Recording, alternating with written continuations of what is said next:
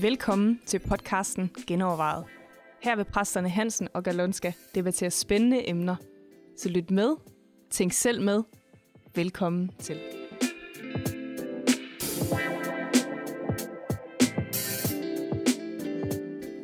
Velkommen til endnu en udgave Genovervejet. Vi har fået tidsendt et nyt spørgsmål, som vi gerne vil snakke om, og det handler om gudstjenester. Værsgo, Johnny. Ja, det er en opfordring til at genoverveje gudstjenesten, hvor man træder et skridt længere tilbage. Hvorfor har vi gudstjenester? Hvorfor består den ofte af lovsang, prædiken og eventuelt nadver?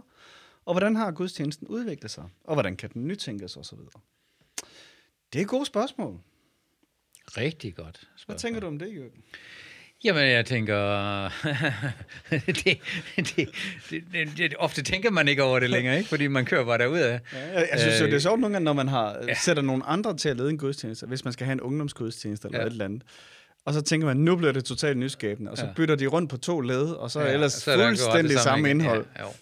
Og jeg tror nok, det har meget at gøre med størrelse, og hvor mange der er med, og hvor, hvilken tradition man kommer fra. Det, er, det præger os mere, end vi tror. Ja det sætter mere fokus på den. Men jeg, jeg tænker, gudstjenester generelt kan jo godt se meget, meget forskellige ud, og jeg tror faktisk, at gudstjenester i den første kirke så, så lidt anderledes ud end vores, fordi der var meget mere dialog, og det foregik mere i mindre kredse, altså en, især i en husstand, hvor der måske var 20, 30, 50 mennesker, altså de havde jo lidt større hus, end vi har, hvor man mødtes dengang øh, hvor slaverne var med, og de ansatte øh, og naboer og sådan noget. Så man havde måske en gudstjeneste, hvor der var 30-40 stykker øh, i, i en anden setting end i dag, uden scene. Um, og det, det er, bes, bes, bliver jo beskrevet lidt i 1. Korinther, hvor Paulus siger, når I kommer sammen, så har en hver lidt at bidrage. Ja. Uh, så det er klart, at det får en helt anden præg, og vi læser, at Paulus han talte hele natten, og de diskuterede og debatterede og spiste mm. og holdt. Far Jesu øh, øh, døde opstandelse, det var vi kalder nadver, ikke? Så ja, altså gudstjenesten har været anderledes. Ja, altså det er jo slående, at, at, at vi ikke har nogen øh, anvisninger i Nytestamentet på, hvordan man skal holde gudstjeneste. Nej. Altså overhovedet. Og i virkeligheden, så er det, hvis man kigger på øh, en synagoge gudstjeneste, da de første kristne jo var jøder, Øh, så har den fuldstændig de elementer, som den katolske gudstjeneste og den lutherske gudstjeneste og til dels vores gudstjeneste også har fået. Altså der er noget, noget oplæsning, nogle salmer, noget ja. prædiken, noget, altså det er fuldstændig de samme elementer, så man kan godt spekulere i, hvis nu ikke de første kristne havde været jøder, hvordan ville det så se ud? Hvad, hvad havde de været vant til, som de så havde tilpasset det? Øh, og man kan også lave et andet interessant tankeeksperiment og sige, okay, hvis vi nu var de første øh, 30 kristne her, og vi var, Jesus var lige taget afsted, og, øh, og så stod vi der. Hvad gør man så? Hvad vil vi så begynde at gøre? Ja. Altså, hvor lang tid vil der gå, før vi sagde, ja. skal vi ikke lige mødes og minde hinanden om, hvad Jesus har sagt til os? Ja. Eller hvad, skal vi ikke ja. lovprise Gud? Eller ja. skal vi have noget undervisning? Ja. Eller ja lad os bede for det her. Og, der er visse elementer, der, der, ja. der dukker op igen, det men forskellige jo. former og forskellige stiler. Og så har kirkehistorien jo så udviklet en masse af de ja. her ting, og nogle af dem har så, nogle kirkeretninger har så formaliseret det meget til en liturgi, men det er jo ikke fra Bibelen, den liturgi. Ja. Det, er jo, det, er jo, det er jo egentlig bare nogle elementer, som har sagt, sådan her vil vi gerne have, at det altid foregår fordi man måske synes, det har været lettere og mere praktisk og alt muligt andet. Ja. Nogle kirker har jo endda øh, fordelt Bibelen på, på afsnit, så man, så man kommer igennem det hele i løbet af et år ja. eller to. Ja. Øh, men, men det er ikke noget, der er i Bibelen. Der er slet ikke nogen anvisning på, sådan her skal I mødes. Præcis. Øh, der er noget om at, at dele med hinanden og være mange involveret og sådan noget. Ja. Og det kommer også an på, om man er et lille eller stort fællesskab, hvor vidt ja. det kan lade sig gøre. Ja. I virkeligheden kan man sige, at en gudstjeneste af vores størrelse, ikke, hvor der sådan, i hvert fald før corona, er en 300-400 mennesker til stede, der kan du jo ikke lave den der. Altså, Nej, der skal den der deling jo foregå ja, før og efter ja, gudstjenesten, ja, ikke? hvor man ja. kan dele liv med hinanden. Ja. Men jeg tænker, hvis, øh, eller når jeg tænker på, hvordan Jesus var sammen med sine disciple, og det kan man så diskutere, om det var en gudstjeneste eller ej, men jeg, når Gud er i centrum, og Jesus er i centrum, ikke, ja. så vil jeg da kalde det en gudstjeneste. Der, der må jeg sige, der har det måske været meget, meget mere praktisk og meget mere organisk. Altså, de fleste samtaler, som Jesus havde, de, øh, de skete, mens de spiste, ja. eller mens de gik en tur, eller var i gang med et eller andet og gøre noget sammen.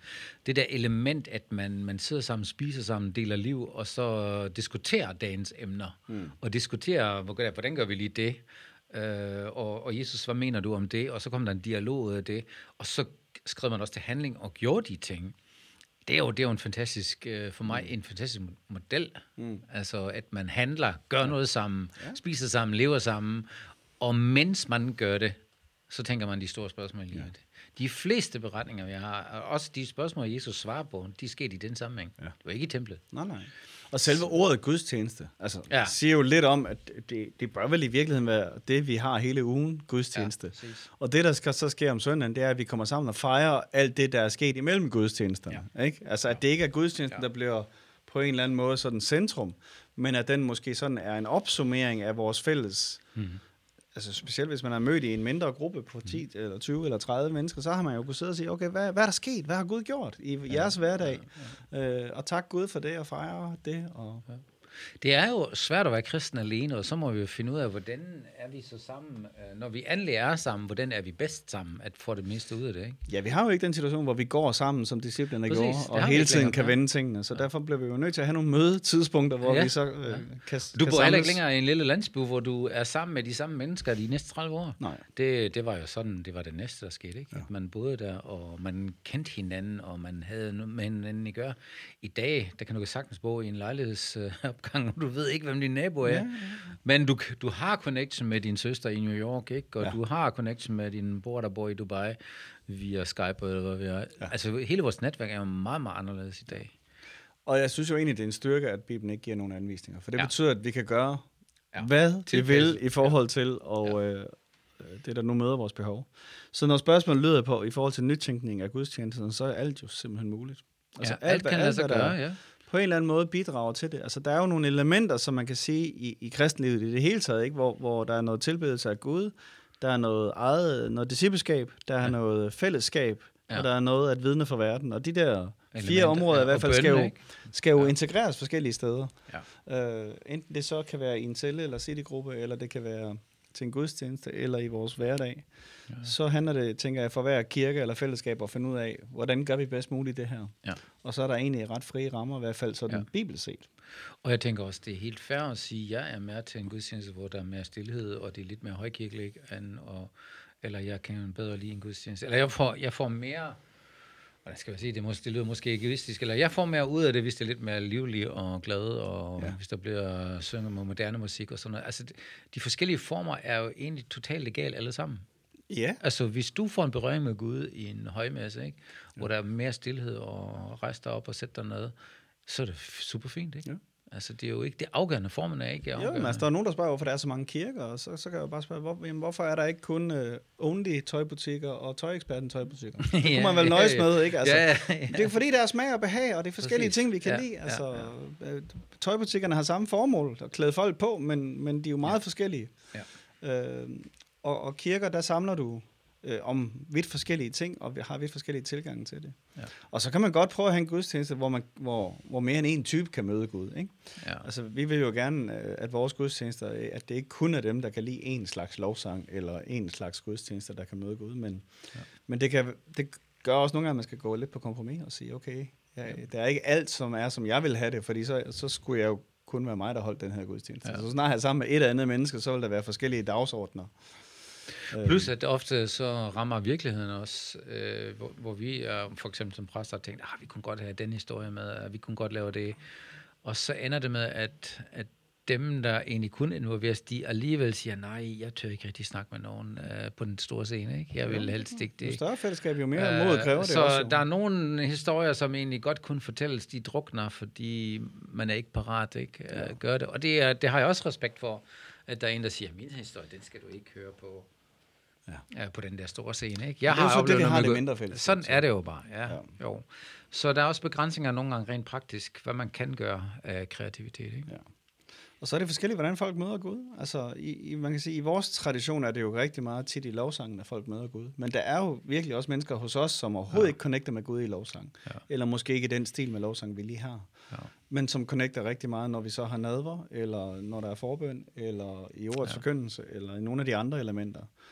Ja. Øh, og det er helt fair. Man skal jo finde ud af, hvad der virker for en selv. Ja.